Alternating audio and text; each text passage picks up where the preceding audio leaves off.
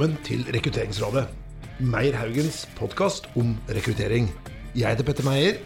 Og jeg heter Sverre Haugen.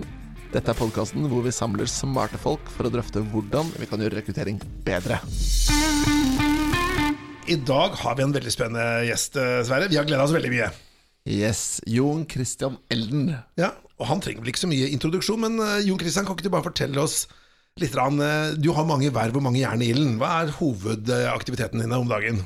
Nei, Det må jo være jobben, da. Og det er å være advokat og holde på rundt stort sett med prosedyre i ulike domstoler. Trives veldig godt med det. Mest i Høyesterett kanskje, men ellers uh, all over.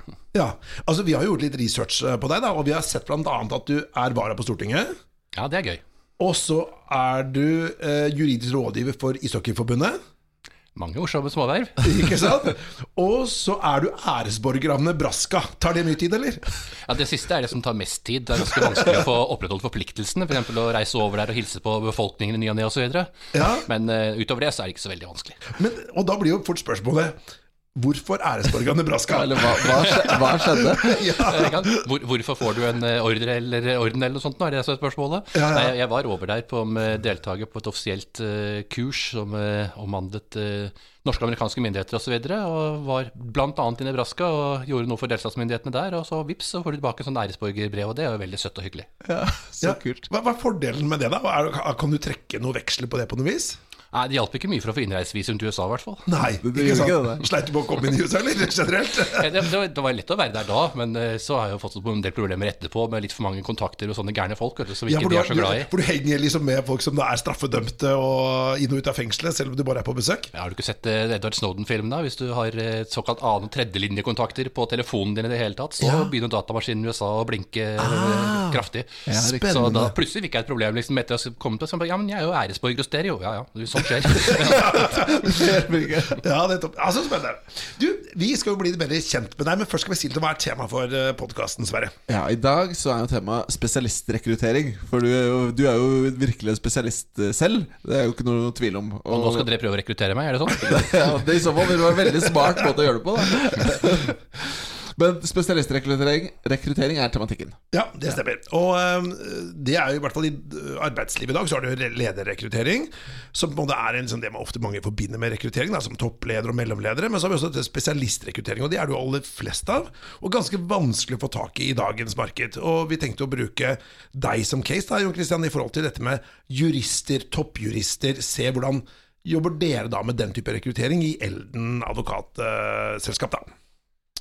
Ja, det er bare å spørre i vei, det. Ja, ja, ja. Men vi vil bli litt bedre kjent med deg først. da Det er jo mange som kjenner deg kanskje fra mediene, men vi har lyst til å spørre deg eh, La oss si at vi skulle møtes på fest en gang, da. Og så prater du med mange, da, men så er det ett spesielt tema du har veldig lyst til å prate om. Og Hva håper du at noen skulle spørre deg om da? Er det, har du sånn passion, en eller annen sånn guilty pleasure, et eller annet som du tenker ah, dette har jeg lyst til å prate om, her er masse energi? Jeg liker jo at eh, den andre parten velger tema, det er et utgangspunkt. Eh, Jeg om det er sånn eh, som henger med jobben at du prater hele dagen, at hvis du er ute på fritid, så ønsker du egentlig ikke å snakke så mye i det hele tatt. Jeg er ikke så veldig god på smalltalk, jeg har fått beskjed om mange ganger. Men for all del, sett i gang med temaer du ønsker å snakke om, så er jeg med, men jeg vil helst slippe å diskutere jobb hele tiden, da. Ja, ikke sant? Så noe annet enn jobb. Ja, og så da helst ikke jeg ikke da være ute med en lege som skal diskutere legeting hele tiden. Det er ikke så veldig veldig Men la oss ta en liten sånn der Vi må ta en liten sånn der enten-eller-sjekk, da. Hvis jeg kommer bort til deg og begynner å snakke om et av to temaer, hvor blir det mest engasjement? Er det når jeg snakker om fotball eller vin? Da er det åpenbart eh, vin, men det kan jeg jo ikke si siden jeg jobber så mye med Fotballforbundet. Ja, ja. Med meg kan du prate med begge deler, men dessverre er det mest vin. Ja, da blir det mest vin. Ikke så mye fotball. Ok. Da vet jeg hvem av dere jeg skal gå ut med etterpå. Ja, ikke sant? Ikke sant? Du, eh, vi har også lyst til å høre litt om La oss si at hvis du ikke hadde vært eh, jurist, da. Har du den tanken noen gang slått deg? Jeg har aldri kunnet falle meg inn. Nei, det, det, men det var jo tilbake til barneskolen. Da skulle jeg bli enten eh, brannmann eller jurist. Da hadde jeg liksom to valgmuligheter, i hvert fall. Så det er jo ikke svært bare det. Så det var, eh, det var ganske tidlig et alternativ å bli jurist? ord. Ja, det har liksom ligget litt i familien hele tiden. Ja. og det var kanskje enda mer spesifikt. Da var vel politi var faktisk sånn i opprinnelige tanken min. Da var liksom alle jurister var politi. Ja. Men eh, litt mer sånn juristutdanningen i hvert fall. Men når det har kommet litt lenger, så var det nok alternativene mine journalist eller eller jurist. Og det er eh, to reelle alternativer. Ja, ja. Og hva, hva var det som vippet at det ble jurist, og ikke journalist? Jeg, jeg, var jo egentlig begge deler i en utdanning. Jeg jobbet jo som journalist på fulltid også. Jeg jobbet jo på Stortinget bl.a. for det som da het Høyres Avis. Ja. Eh, så begynte jeg også på jusstudiet, og så ble det på en måte begge deler litt sånn parallelt. Og så var det vel jussen som tok meg mest. Det ble kanskje mest spennende. Ja. Men du, men du, kunne jo sikkert blitt politiker på heltid også. Bare, du er jo ganske aktiv i, i Høyre, det er vel ikke noe hemmelighet, det? Nei, men det er et gøy sted å være. Ja, ikke sant? Unntatt når det er valg og sånn, da. Ja, ja, ja. Men det ble jo største parti i Oslo med ved sist valg, om ikke annet. Ja. Ikke sant? Og folk påstår ikke er valgvinner. ja, ikke sant? Bra. Men øh, skal vi knekke de på dilemmaene våre, Sverre? Ja, vi kan informere litt om hva dilemmaene er. For disse dilemmaene de presenterer vi altså for deg nå, Jon Christian. Og til dere lyttere så kan dere også tenke over dem. Og i dag så er det egentlig to dilemmaer og et, mer kanskje et spørsmål. Eh, så det blir sånn sandwich, da. Dilemma, spørsmål, dilemma. Og det første dilemmaet, det er når du da Du må se for deg at du skal rekruttere en person inn til deg selv, som du skal jobbe med. Og så står valget mellom to personer. Den ene er en faglig ener, altså veldig faglig sterk. Mens den andre briljerer på å være utrolig flink på å se folk, og også håndtere media og den typen her. Så det relasjonelle veldig, veldig bra. Men du skal ikke svare på det nå, altså. Vi skal ta det opp på tampen av, av, av eh, podkasten. Men som sagt, altså en som er superflink faglig, men ganske dårlig med folk. Og det andre motsatte. Det er fryktelig enkelt å svare på, men jeg skal vente. Jeg uh, og det andre spørsmålet vårt Det er jo egentlig til deg som leder, eller toppleder. Og det er jo da Kan en toppleder lede hva som helst? Det skal vi også høre hva du tenker om etterpå. Ja. Og så til slutt så har vi altså et dilemma, og det skal faktisk du få lov til å presentere, Petter. Ok, um, La oss si at du har en kandidat, og det er en toppjurist. Uh, eller hva skal jeg si, gått ut fra, fra, fra universitetet med liksom bare A-er, og du tenker åh, per flink med folk, alt mulig rart. Men personen er da sier på intervjuet til deg at du, eh, jeg vil bare informere deg om at jeg har flyskam, så jeg nekter å fly.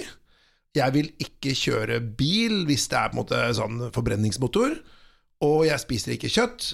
Eh, og jeg eh, har, vil heller ikke ha noen papirer som det skal være sånn nesten Ja, det er, det er liksom enda skal jeg ikke si Greta Thunberg, men det er en person som er veldig stringent i forhold til dette med miljøaktivisme. da eh, Hva hadde du tenkt da? Hadde denne personen fått jobbe hos deg, eller ikke? Det hadde ikke vært det minste problem. Det er et menneske som er engasjert, i hvert fall. Helt åpenbart. Og du trenger ja. oh, det var litt sånn 20-start, men vi skal, vi skal bore litt mer i det etterpå. Kjempebra. Men du, jeg eh, tenkte vi skulle knekke i vei med hvordan det er å jobbe hos ditt advokatbyrå. Men hvorfor um, Hvordan blir man en toppjurist? Eller hva kjennetegner en toppjurist? Jeg tror at du er eh, nødt til å kunne ta pulsen eh, veldig godt på samfunnet rundt deg. Eh, fordi at eh, juss er jo et samfunnsfag. Eh, juss er også mange måter common sense. Det er å finne på spilleregler i samfunnet mellom personer. Hvordan ting skal løse seg. Eh, og hvis du har eh, det i hodet, så kommer du ganske langt. Hvis du tror det er om å være smartest og finne lurest mulig løsninger for din klient som går utover andre igjen, ja. så tror jeg du kommer veldig kort. Ja. ja. Men hvordan, Det er jo veldig interessant, for det er jo noe man ikke nødvendigvis tenker på som en sånn juristferdighet intuitivt. Hvordan finner man ut det? Hvordan sjekker du det når du rekrutterer folk? Du, du, må jo starte med å si, intervjue, snakke med folk, men det jeg nok har gjort i veldig stor grad, jeg har to forskjellige tilnærminger. Det ene er jo at jeg får si, advokater, ferdige, ferdige advokater da, som har vært ute i jobb en stund. Eh, der er jeg nok mye flinkere selv til å ta personer jeg har truffet i retten, sett, hørt godt om, altså vite hvem jeg går til før jeg går og snakker med dem. Som har gitt deg en fight, f.eks. i Veldig gjerne det. Ja. Det beste er jo de som nær sagt har, har, slått meg og kommet med gode argumenter og gjort det på en ah, ryddig ordentlig ja, måte. Ikke sant? Det er skikkelig bra mennesker. Ja, uh, mens den andre delen er jo å ansette fullmektige nye, nye, personer på markedet. Og der er det nok mye større gjenstand for, for intervjurunder, for vurderinger, og kanskje litt annerledes intervjuer enn det som uh, de er vant til fra andre firmaer, har jeg skjønt. Ja, men hvordan rekker Ja, ja, Fordi der er det jo sånn Det er jo ikke noe tvil om at den klassiske veien fra skolebenken inn i et juristfirma, det er jo via et internship. Er det samme løypa hos deg, eller? Nei, egentlig ikke. Eh, vi har den muligheten. Eh, og det er klart at personer som er på det, vil nok lett få, lettere få komme på et intervju. Fordi at du vet jo nå om dem i utgangspunktet at de fungerer eller ikke fungerer. Ja. Eh, men det vet du ikke om de som søker direkte. Det vi ikke er så veldig opptatt av som sådan, det er på en måte å gå etter den som har aller best karakterer osv. Det, det spiller egentlig en liten rolle, men det er klart at du må ha såpass gode karakterer at du kommer i betraktning. Ja. Altså at du på en måte blir kalt inn til dette første intervjuet. Eh, vi ser nok mer etter personer som gjør ting ved siden av studiet, enn som bare driver med studiet.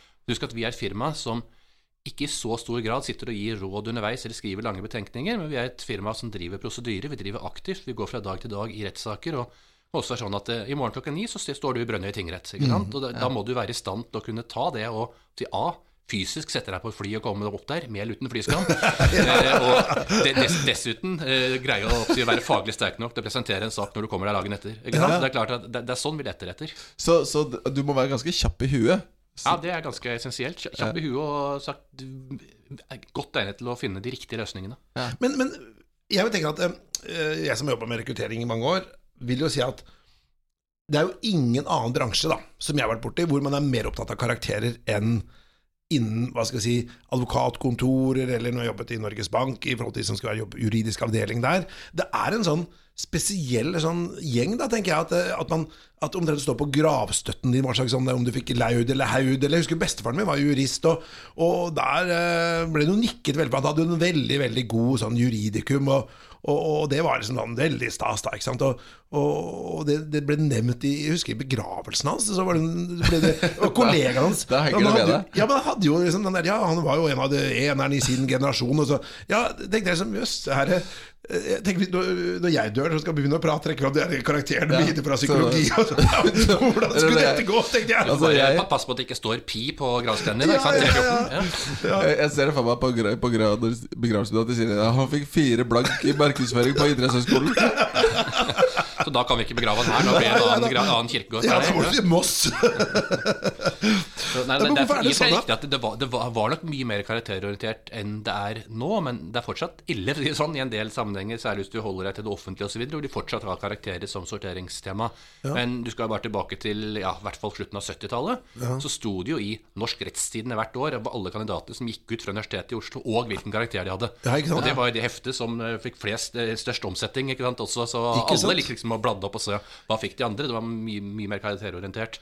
Og så var det jo orientert ned på hundredelsdesimalene. Ja, ja, ikke sant, var det på Mens to- nå er det jo i hvert fall nede i en Ja, ja. ABCD-karaktersetting, som gjør at det, du slipper den mass finmaskeringen. Men ja, ja. si, det, er, det er ikke avgjørende for meg om du har en A eller en B som en hovedkarakter, men det er klart at sitter du med si, bare masse D-er, så er det ikke sikkert du kommer på et intervju. Så du må jo på en måte legge litt i det når du er på studio også, og vise at du er villig til å jobbe for å få et godt resultat på universitetet. Selv om jeg ikke er så opptatt av hva det er du får de.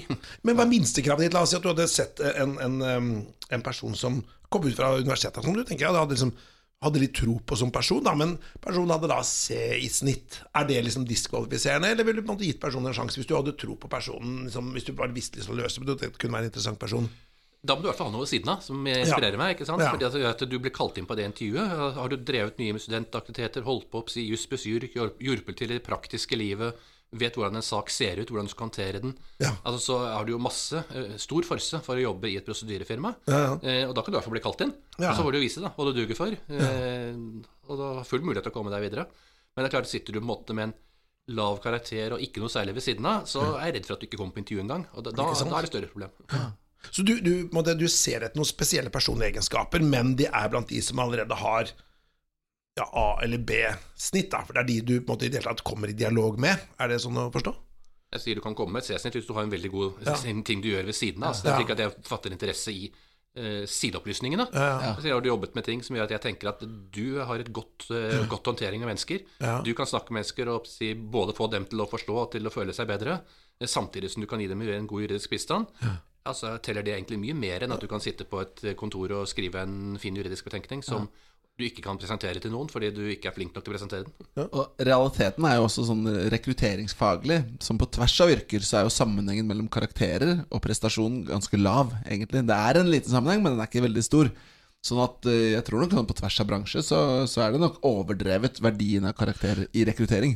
Og det er jeg helt enig i. Eh, Jeg kom jo, var jo rekrutteringssjef i Norges Bank, og der var man jo veldig opptatt av karakterer.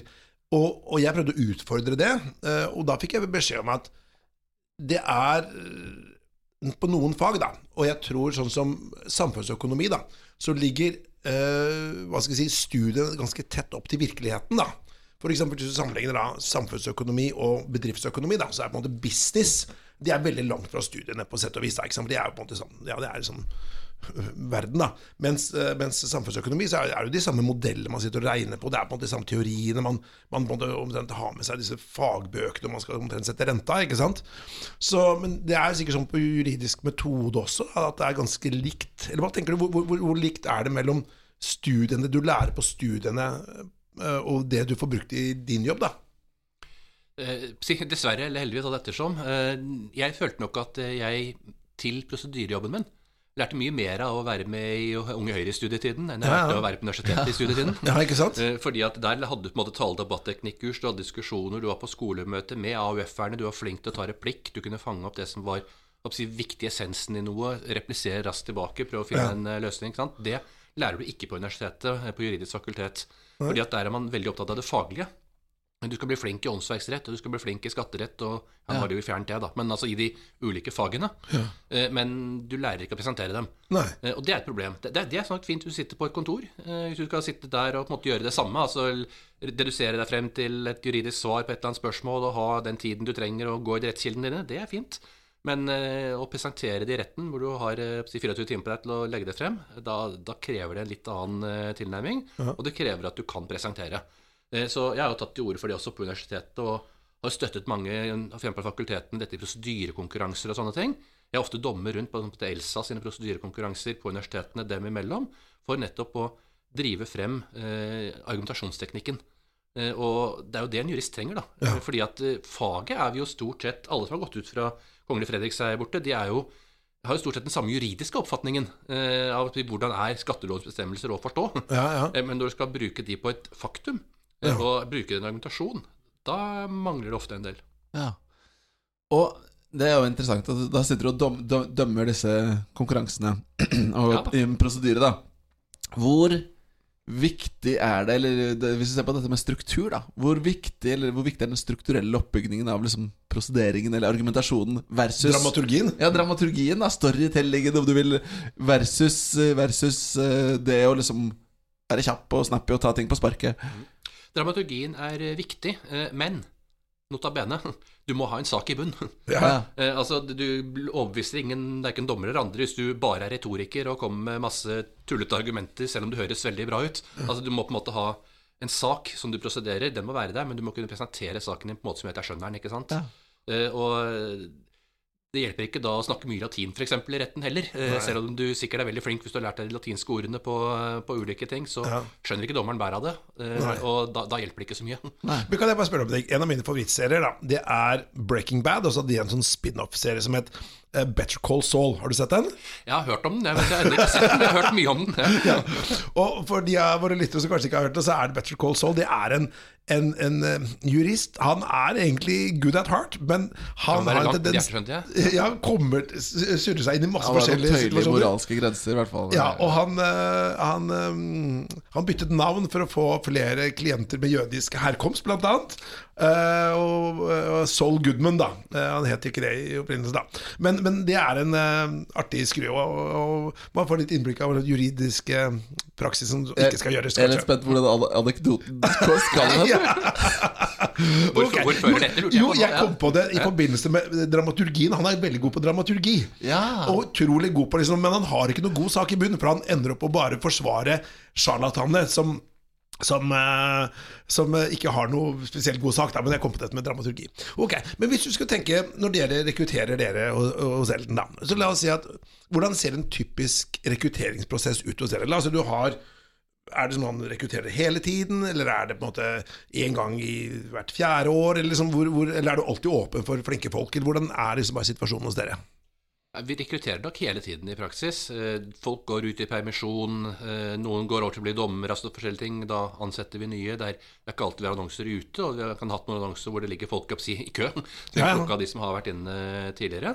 Men de gangene vi har lyst ut, så har vi lyst ut flere stillinger samtidig. Da kommer det hundrevis av søknader på dem. Så det er ganske mange som er interessert i jobb, og det er jo et luksusproblem for oss naturligvis, som skal ha folk. Ja, da har du et godt brand for de som ikke bare de som skal bruke deg som advokat, men også de som skal jobbe hos dere. Det må jo være bra. Ja, jeg syns jo det er fint, jeg. Ja. Men hvordan ser en, hva, skjer da? da? Ok, Du får inn søkere da gjennom et eller annet system, og så sitter du da med da, si, noen titalls CV-er. Er det noen som kikker på det før deg, eller er du veldig hands on i en sånn prosess? Nå er ikke jeg daglig leder, jeg er jurist, for å si det sånn, Ja, ja, så jeg går stort sett i retten. eh, Så jeg har ikke så veldig mye med ansettelsesprosessen direkte å gjøre. Jeg kommer ofte inn i dem på et senere stadium. Kanskje Du vil like, prate like med alle før som- man skal ansette personer. Ja. Eh, Ta en runde med de siste osv. Men den gråsorteringen er nok ikke mine. Det betyr også, som jeg var inne på, at eh, jeg får jo da se de menneskene som har passert liksom disse Ja. Ja, ja. og kommet seg inn og, med papirene sine. Så kan jeg ta en samtale. Hvor, hvor mange av de faller ut etter praten med deg? Er det, Er du liksom streng? Ja, det, det er nå meg og noen til som tar den siste runden. Eh, og så blir, er jo Jeg tror nok at alle de som har kommet de siste intervjuene, er personer som det er aktuelt å ansette. Så det er veldig sjelden at det er noen som tenker at nei, der skal ikke inn. Så det er mer prioritering den andre veien. At ok, vi har nå har vi på en måte syv igjen, her, vi skal ha fem fullmekter. Ja. Da får vi velge fra toppen, og så Ja. blir det sånn. Men er det ett intervju, da? For jeg, vi er liksom, siden dette er en rekrutteringspodkast, så er vi liksom interessert i selve oppbyggingen. Altså, og da har du fått inn noen CV-er. Dette, er, si, dette er ti personer du skal møte. Og så har du da en, en, en samtale med dem ansikt til ansikt, som et sånt klassisk intervju. Er det sånn du gjør det?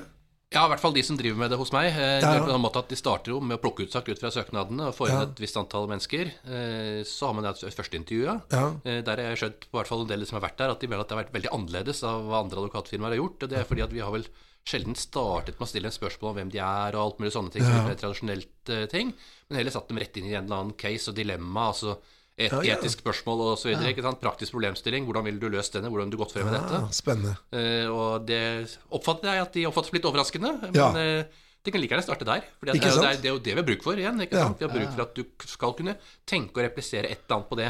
Riktig eller gærent. Ikke så farlig når du har et første intervju, det lærer du underveis, men at du greier å ta den type utfordringer. Men hva slags er etisk dilemma neste intervju igjen kan kanskje være litt mer tradisjonelt. Ja, liksom, nettopp. om, eh, si hvem er du, hva, hva ønsker du, hva, hva tror du vi vil ha deg, osv. Ja, ja. Men, men la oss si et etisk dilemma, hva kan det være for noe, eksempel? Enten kan det være rett og slett å si at okay, du, i, morgen så er du på politistasjonen klokken ni, du har fått sånn og sånn problemstilling. Eh, hvordan vil du løse den? Ja, ja. Eh, og da vil vi si litt da om hvordan du eh, si, tenker hvilket etisk kompass du har til en viss grad vil dette være utfordrende til. Eh, og det er kanskje noe av det viktigste, at vi har mennesker som er solide. Eh, Som si, har et etisk kompass å forholde seg til. Ja. eh, Som ikke tror at det er si, better call Saul som eh, gjelder. Det, Ja, Da kommer man fryktelig kort på lang sikt. ja, ikke sant? Så vi, vi jobber jo med mye ulike bransjer, og det vi ser veldig ofte mange steder, er hvor viktig motivasjon er. Hva slags type motivasjon er det du ser etter i kandidater?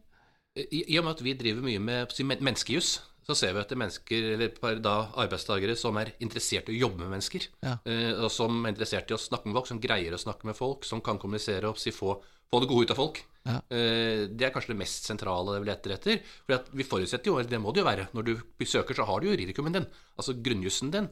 Den kan du gjøre for seg. Det er ikke noe juridisk prøve som vi setter deg på. Vi setter deg på en prøve om du kan duge som eh, da menneskebehandler. Ja.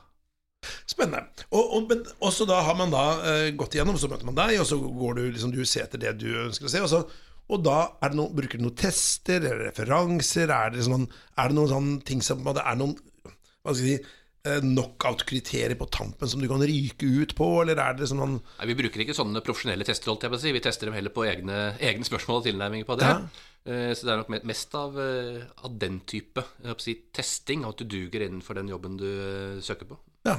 Men jeg har et spørsmål som jeg er litt nysgjerrig på. Og det er kanskje litt sånn der eh, tabu, men hvis man ser på, man ser på eh, ledelse, eksempel, så er det jo noen trekk som gjenkjenner de som blir ledere. De er ofte menn, oftere enn damer. Og så er de ofte høye i høyde, og så er de ofte vakre. Eh, og så lurer jeg på, som jurist Vakre, høye menn. ja, vakre høye menn. Statistisk Er det, er det meg du snakker om nå, eller? Er det, hva var det her? Men det, det lurer på statistisk sett, da. Er det, Sverre, hvor vil du med dette?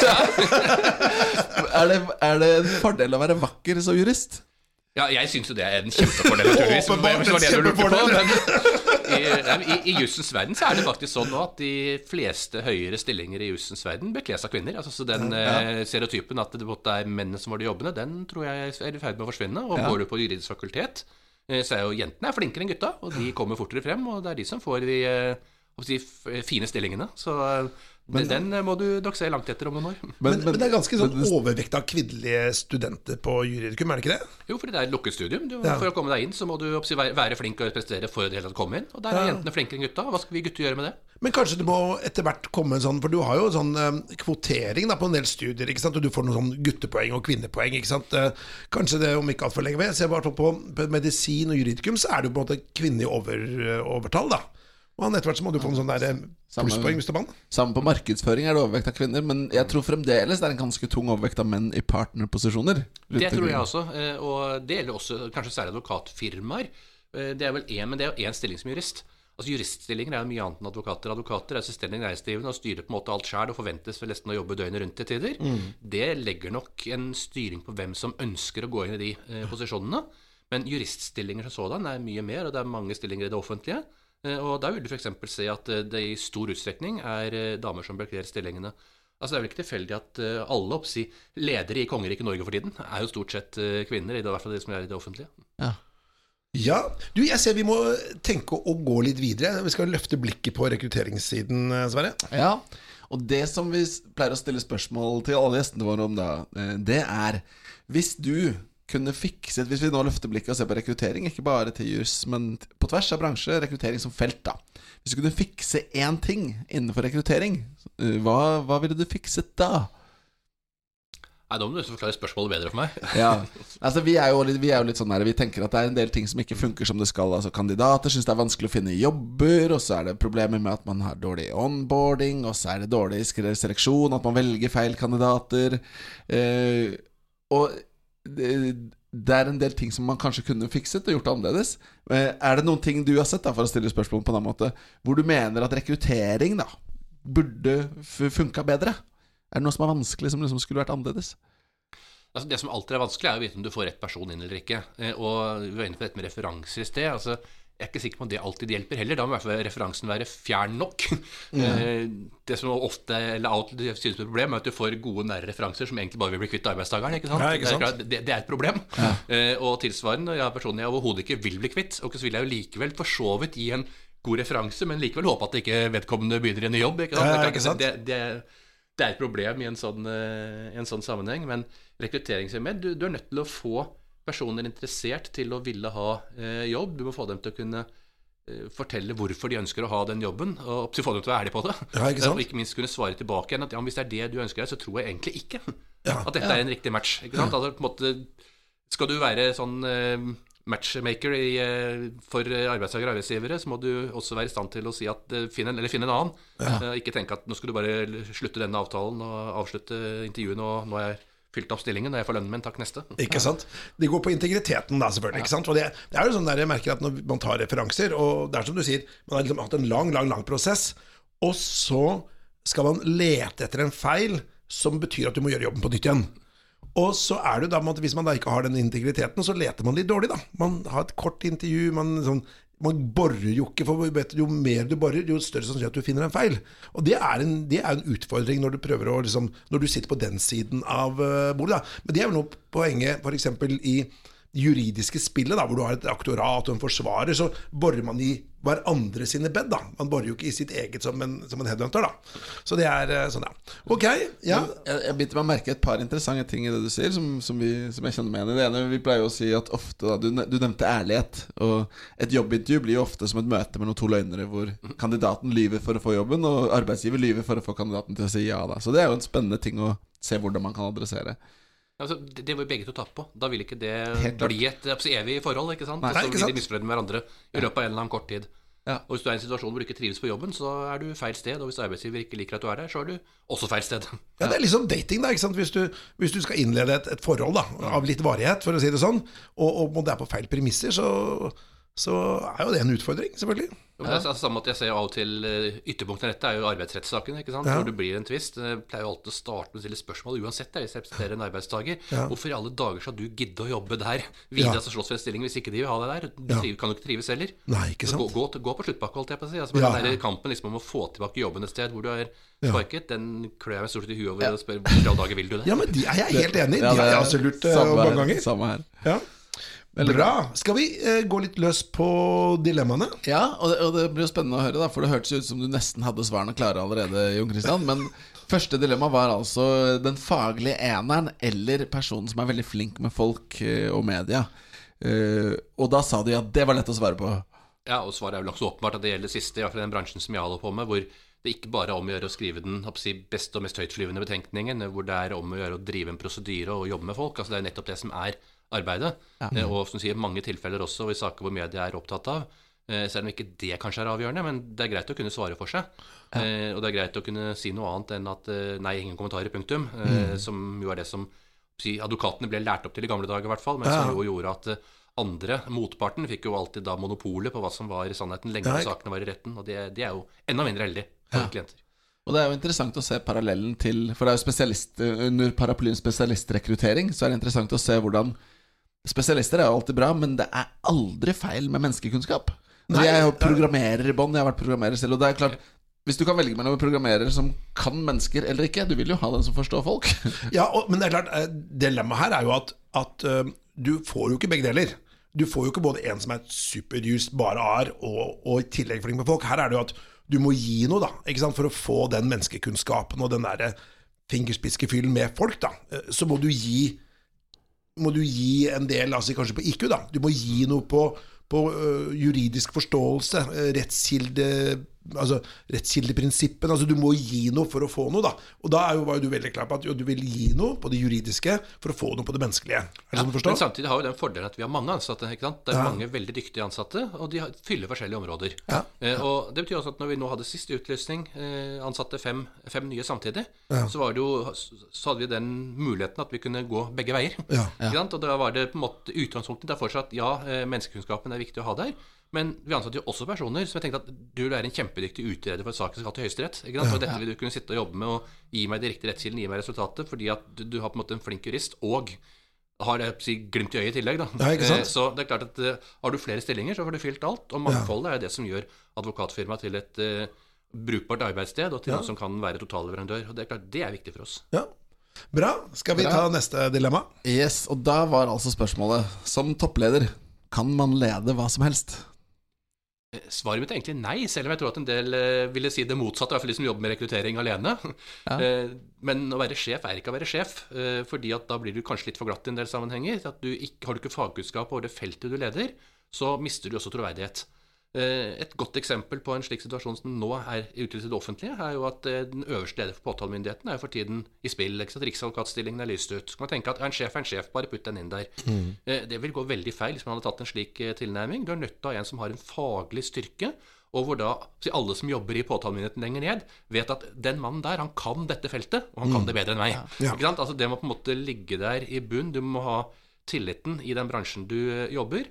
Ikke bare være en HR-direktør som kommer inn og kan jobbe hvor som helst. Så jeg har mye mer tro på at du har en faglig kompetanse i bunn, og så får de som har faget, til å bli ledere. Eh, I stedet for at du putter inn en som bare er leder.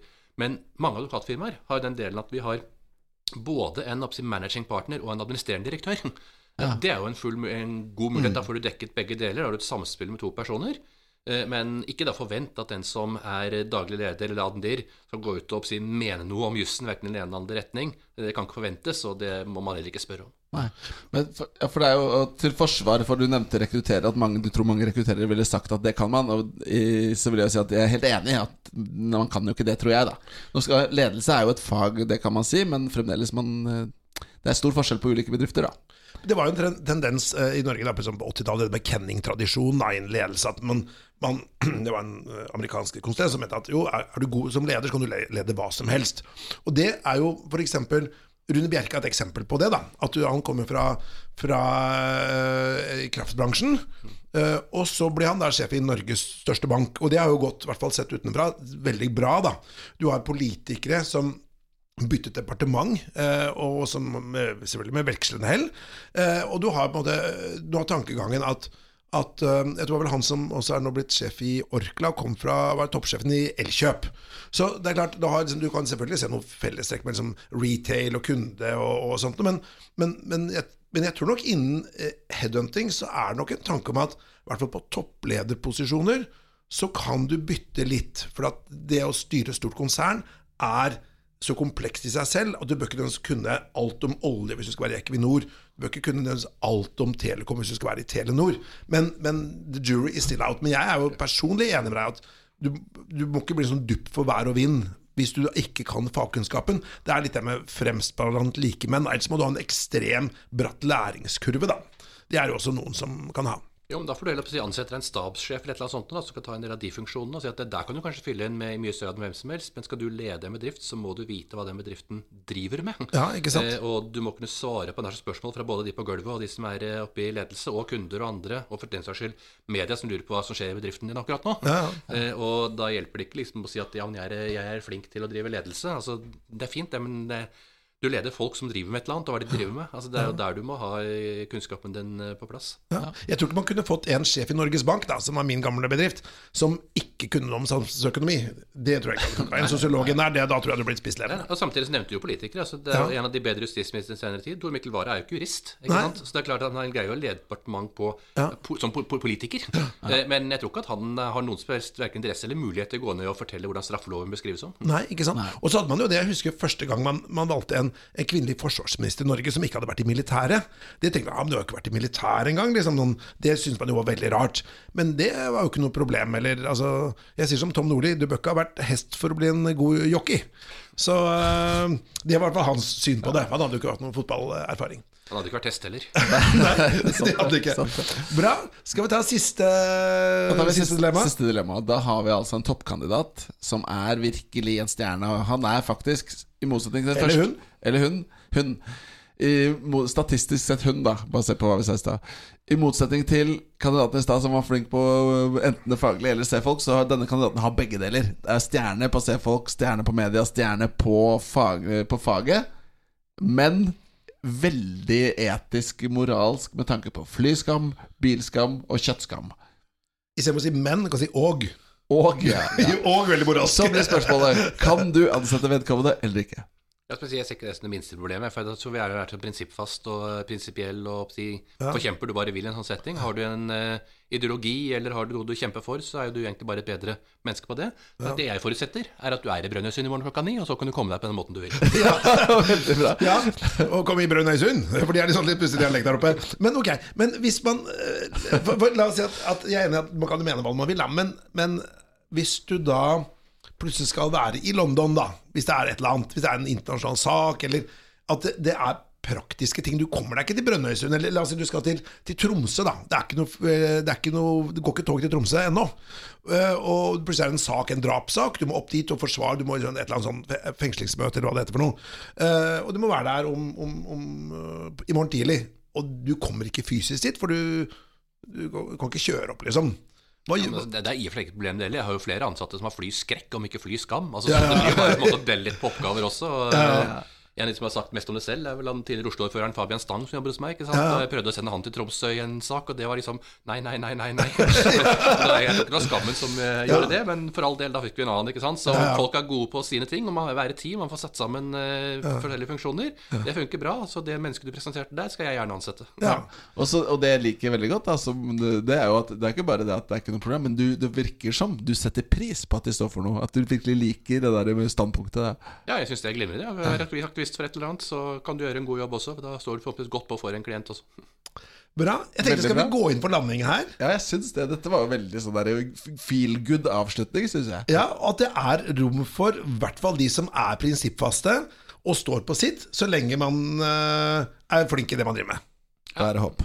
Ja. Tusen, tusen takk, Jim Christian. Tusen takk. Bare hyggelig.